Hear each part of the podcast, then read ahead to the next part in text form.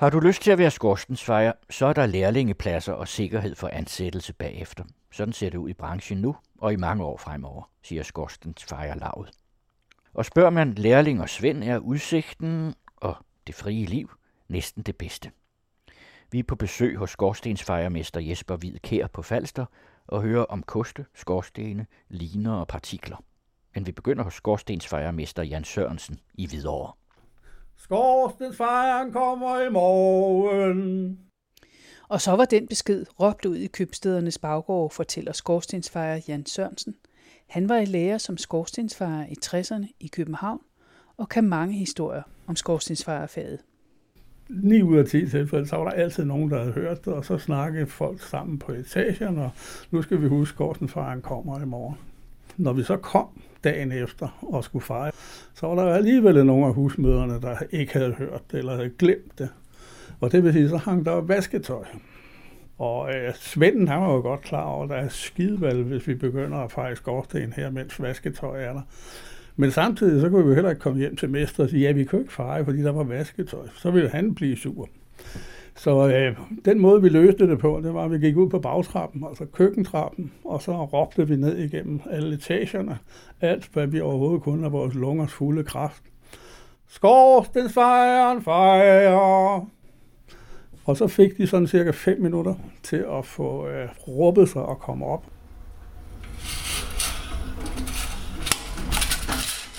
Der er i dag omkring 560 skorstensfejere og cirka 50 lærlinge i Danmark.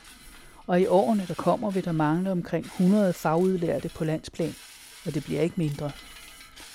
I år var der en svag stigning, men ikke tilstrækkelig stigning i antallet af lærlinge, der søgte ind på skolen i Tønder.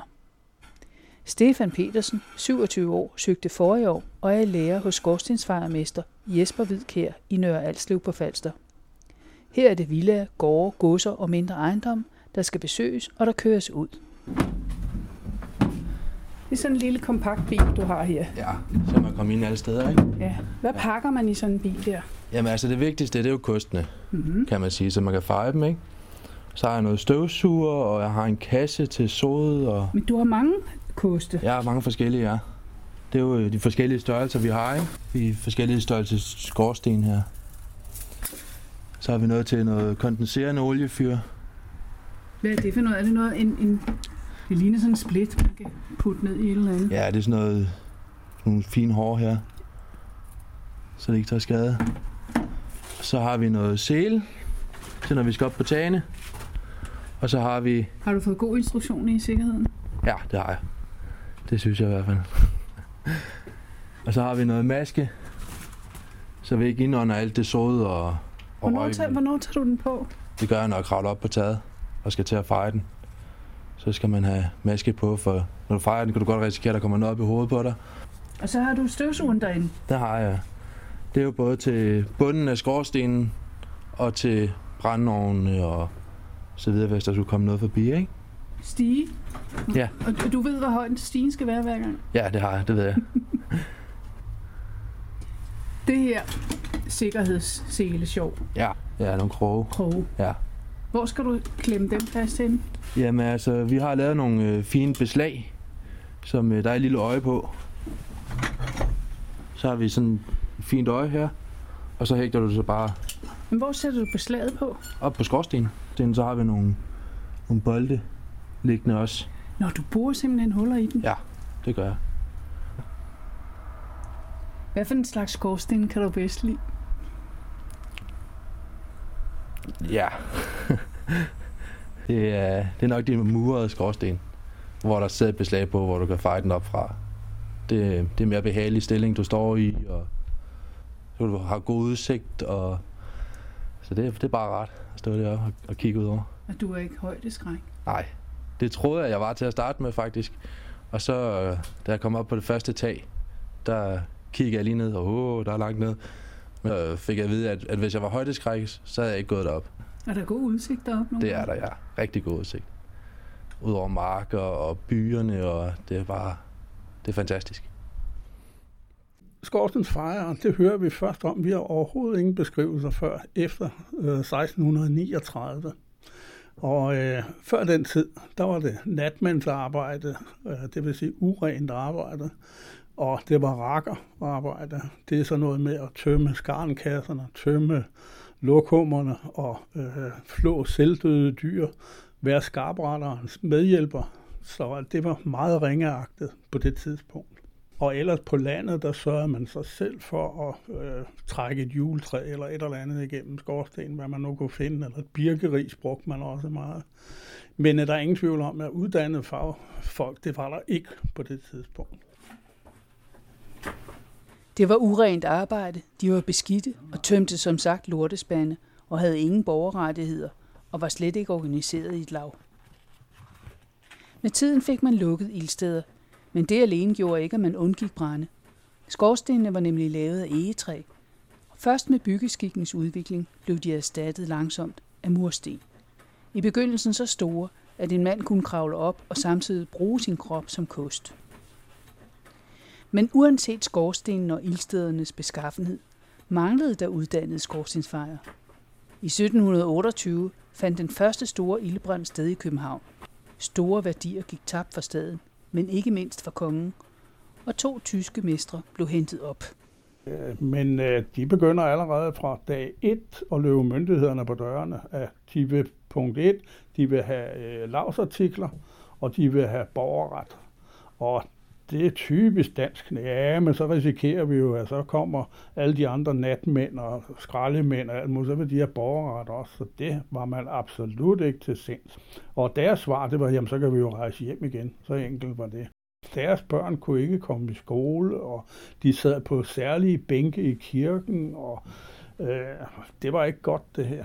Øh, og der kommer en kongelig forordning, hvor man simpelthen siger, nu må vi altså rette ind, de her skorsenfarer, det er ærlige folk. Men der var altså lang vej, og det tog så en kamp på over 50 år. Først i 1778 for de øh, kongelige lavsartikler. Og indtil øh, 1778, fra omkring der øh, 1730'erne, der er man underlagt øh, Skorsenfejr lavet i Altona, fordi det var en del af Danmark på det tidspunkt. Og Altona, de var så øh, Skorsenfejr hovedsæde for hele Skandinavien.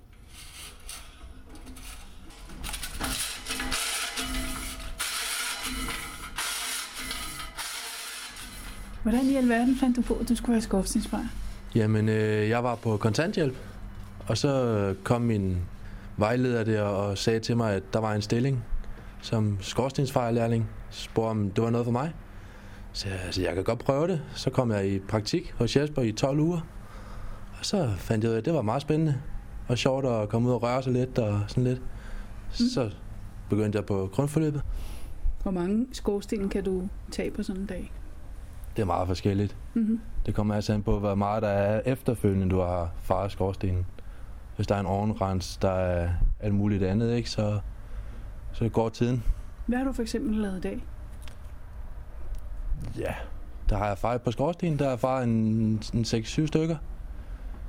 Øhm, og renset et par ovne og lidt forskelligt. Snakket med kunderne. Altid søde og rare. Og fået en masse kaffe? Ja, det er godt.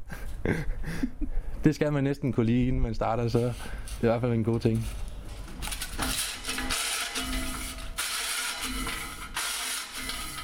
I modsætning til lærlingen Stefan Petersen har skorstensfejermester Jesper Hvidkær en masse familiemedlemmer, der er i faget.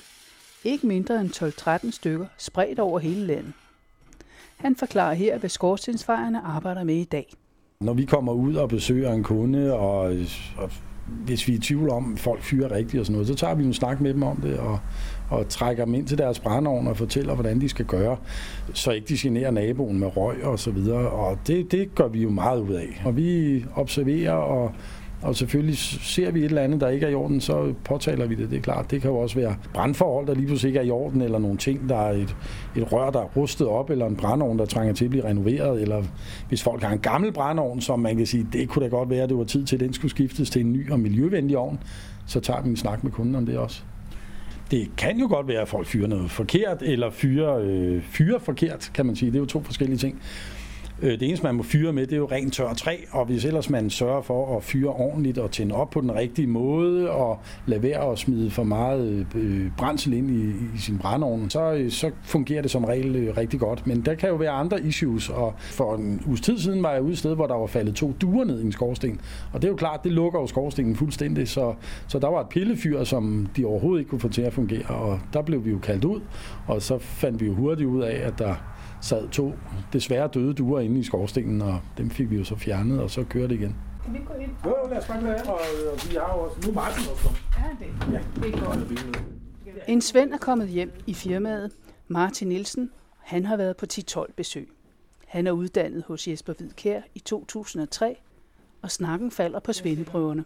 Altså det foregik, eller foregår nede i Tønder jo, og der bliver vi så kørt ud på en adresse, eller kørt ud på en adresse, eller to, hvor mange man nu skal have. Og så skal man jo udføre skorstensfejrarbejde, ligesom man har gjort herhjemme jo. Og så er der jo skuemester med, som der så skal tjekke, om man så gør det ordentligt. Så det er jo det samme. Det er jo kedelrensning, og det er jo skorstensfejring og brandovnsrens og diverse ting. Men du skal tage stilling til, hvad det er for noget værktøj, og ja, ja. til kunden ja, ja. på en ordentlig ja, ja. måde, ja, ja. forklare. Og Fuldstændig. Er der lagt fælder ud? Ah, det var der i hvert fald ikke, det var der. Det tror jeg heller ikke, det man tror, gør. Altså, de, de, gør det jo, de, gør, de er jo ikke ude på at, at dumpe en, kan man sige. De, er jo, de vil jo gerne have så mange igennem som overhovedet muligt jo. Da jeg var til Svendeprøve, der blev der jo kørt sådan en kasse værktøj ud og blev sat ud på fortorvet, og så kan du ellers vælge det, du skulle bruge der. I dag, der får lærlingen deres egne arbejdsbiler med ned, så de kan man sige, har deres eget værktøj at arbejde med. Og det er jo også det mest retvisende. Det er den bedste måde at gøre det på. Så det, der kan man sige, der har faget også udviklet sig lidt. Den, jeg nok allermest bider mærke i, det var der, hvor jeg stod i lærer i Slagelse. Og der var elværket skorsten, og den var, jeg mener, det var 65 meter høj på det tidspunkt. Den er så revet ned nogle gange. Og der kravlede man op udvendigt, og der var ikke noget med øh, hægte sig fast eller noget som helst der kravlede man simpelthen op. Selvfølgelig så skulle man være passe på, at man ikke rendte for hurtigt op, fordi så kunne man tage vejret deroppe af. Ikke? Så man tog sådan 10-15 meter af gangen, og så holdt man en lille pause, og så fortsatte man op.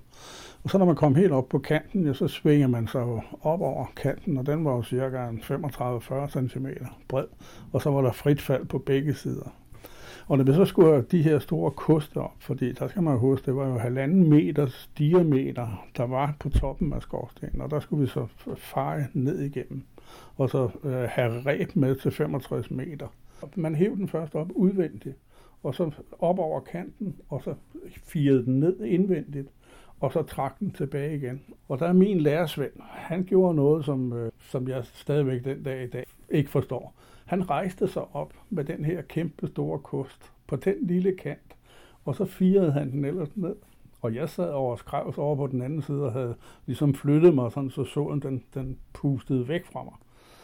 Og så siger han jo så, øh, Gert, min lærersvand der, ja, hvad fanden, hvad laver du dernede? Du kan jo lige så godt rejse dig op og nyde udsigten. Og jeg skal sætte ikke op og stå nogen steder her.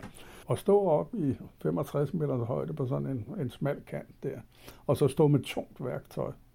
Hvis det hægtede sig fast eller et eller andet, så var han skulle over enten, enten indenbords eller udenbords, men det var lige så også begge dele. Så skiller vi jo ovnen ad for at få alt solen ned, som der er blevet renset. Den ligger oppe i toppen af brændeovnen. Det kan man også gøre det med sådan en rigtig gammel brugt en? Ja, det skal vi jo i princippet gøre ved alle ovne. Øh, når vi renser skorstenen, så ligger der, og røvrende, så ligger der altså en masse sol inde i toppen af ovnen. Og hvis ikke vi fjerner det, så stopper det jo til på et tidspunkt, og det, det dur jo ikke, så det er jo en vigtig del af vores arbejde.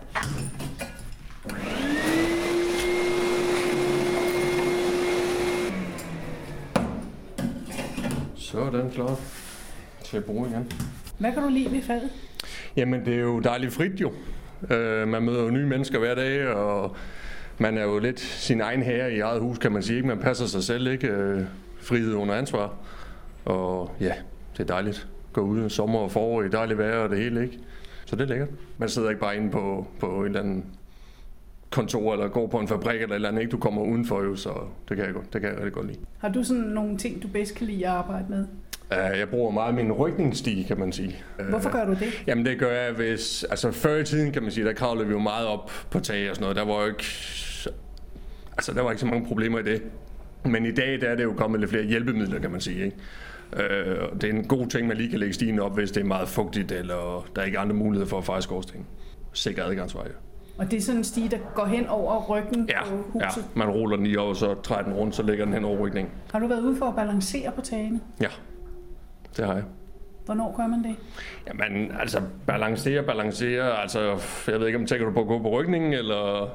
Jamen, det må vi jo ikke mere jo, men det, det gjorde vi jo førhen jo. Hver gang vi var på taget, så gik vi jo hen over rødstenstegnene jo. Var det lidt en sport at gøre det der? Ja, det kan man sige jo. Altså, det, var jo, altså, det er jo det, jeg forbinder med at gå rundt op på tagene jo. Og så er der fremtiden. Der er en intens debat om en stor del af skorstensfejernes arbejdsområde, nemlig brændeovnene. Skal de forbydes, som man vil i København, eller skal der gives præmie til udskiftning af nye ovne? Og hvor farlige er brændeovne? Og selv sagt har skorstensfejerne deres holdning. Der er jo gået rigtig meget politik i det der med partikler og forurening og brændeovn er en stor miljøsynder og så videre. Det er vi jo ikke umiddelbart enige i. Der er jo blev lavet i 2004 en, øh, en undersøgelse i Gunse tror jeg det var, hvor at man målte på nogle partikler, og det har man så igen øh, gjort her øh, for nylig, hvor at man så har fundet ud af, at efter man har fået skiftet de brændeovne, som man har fået skiftet, der har jo været en stor udfasning, og der er sat en masse nye brændeovne op, så er de jo faktisk blevet nedsat med 70 procent partikelforureningen. Debatten slutter nok ikke her, og den kalder på, at det er nødvendigt at tænke nyt i branchen. I og med, at der er ting, der bliver udfaset, sådan som oliefyr og, og sådan nogle ting, og øh, der kommer mere fjernvarme steder og sådan noget, så, så er vi jo selvfølgelig nødt til som branche også at udvikle os, også vores arbejdsopgaver. Og der er vi i øjeblikket inde og kigge meget på ventilationsområdet, for det er jo et område, der har været meget forsømt i mange år. Det er jo en del af vores uddannelse. I branchen går vi meget ud af i øjeblikket at komme ind på det område og også ligesom prøve at påvirke politikerne til at lovgive på området noget mere, så det bliver lovpligtig rensning. Der er jo rigtig mange steder i institutioner, altså børnehaver og skoler, det er, hvor der er dårlige indeklima og sådan noget. Hvis ikke de bliver renset og ordnet, så, så kan man sige, så gør de jo mere og mere skade end gavn. En ting, der er kendt af alle, er skorstensfejerens uniform. Der knytter sig en del traditioner til den. Lærlingen må for eksempel ikke bære den karakteristiske sorte hat, der kunne rumme både huskelapper og for nogen også en madpakke. Det er no-go for lærlingen. Så er, det, så er det omgang, hvis han bliver taget med hat på. Der går nogle år før Stefan han må have den på. Der går en to og en halv, tre år. Så må vi se, om vi kan finde en i hans størrelse. Det bliver jo det næste problem. Nu er han jo ikke nogen myg men, men hvad er den lavet af, og hvorfor har I sådan en høj hat? Jamen altså oprindeligt så er sådan en øh, hat jo lavet af noget muldvarpeskin. Øh, og nu kan man sige, nu når vi kommer rundt øh, og fejrer skorstenen, så får vi jo i gang mellem øh, sådan en hat for ærende. Men, men den første hat, man får, den skal man altid have for ærende. Den uniform, vi bærer, øh, den har i hvert fald 200 år på banen. Der har den ikke ændret sig ret meget. Det eneste, der er forsvundet, det er faktisk den spanske kappe. Og det var simpelthen, de havde sådan en, et, en slængkappe over den venstre skulder. Hvad brugte man den til? Jamen, øh, det var sådan til øh, værn mod vind og vejr og sådan noget. Og samtidig så havde den jo også et, et, et lille atypisk et, men det var sådan mest på landet. Der havde den store lommer, fordi skænkerne, de hang jo op, under, op omkring lyren, og øh, de store skorstene, der røg man skænkerne, og dem røg man indvendigt i skorstenen. Jamen, skulle skorstensfejren så have en Nej, skænke men, lommen? jeg, nej, ikke en hel, fordi det gik jo ikke, men øh, det kan godt være, at han skar en skive. og så havde man træsko, øh, lærlingen typisk godt træsko, og når så man blev svend og fik den første løn, så købte man sig et par rigtige sko, men stadigvæk bare tær, så man kunne sparke skoene af, når man gik ind og steg, og man kravlede på taget. Jeg har selv gået på bare tær hele min øh, læretid. Jeg prøver at kravle i skorstenen, og så kunne man ligesom liste den ene fod ind i rødrøret, fordi det stak ud. Så fik man meget hurtigt varmen, så det var dejligt. Så er der nogle meget flotte knapper. Så er der knapperne, og dem kalder vi jo fagknapper, og det er jo vores fagemblem.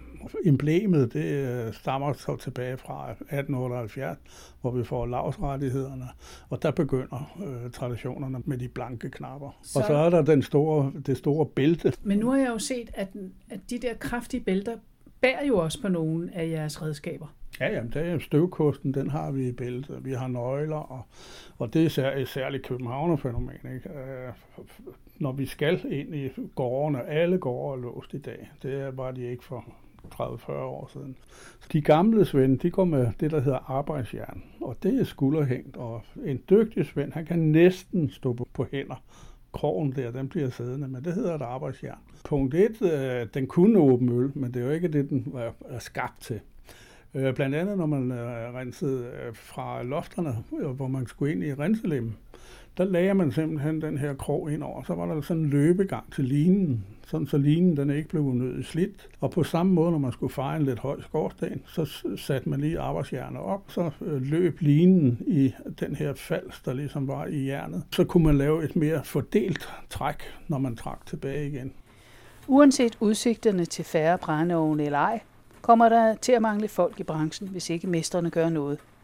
Måske har vi været lidt for sløve, siger Jesper Hvidkær, fordi det går jo ok. Der er blevet lavet en undersøgelse her for ikke så lang tid siden, og hvis ikke vi gør noget, så kommer vi til at mangle 100 skovsningsfejre om 10 år. Derfor er det rigtig vigtigt, at vi får nogle lærlinge ind, og vi, vi prøver sådan at skal ud og synliggøre vores fag. Der er lige startet et nyt hold lærlinge op, hvor det heldigvis antallet er steget lidt mere, men, men vi har stadigvæk brug for cirka en 50 lærlinge, tænker jeg, på et landsplan lige nu. Så, så det, skal vi, det skal vi slå et slag for, og det, det er vi godt i gang med. Hvad ser du af fremtidsmuligheder? Ja, altså så, så længe der stadig er mangel på dem, så vil der altid være, være mulighed for at, at, at, at blive også samme sted, hvor man gik i lære. Har du, har du lyst til at have dit eget? Nej, det har jeg faktisk ikke. Når man, når man har set på, på Mester selv, så har han, han meget at lave. så det har jeg ikke lyst til. Ikke i forhold til. Der fik du den, Mester.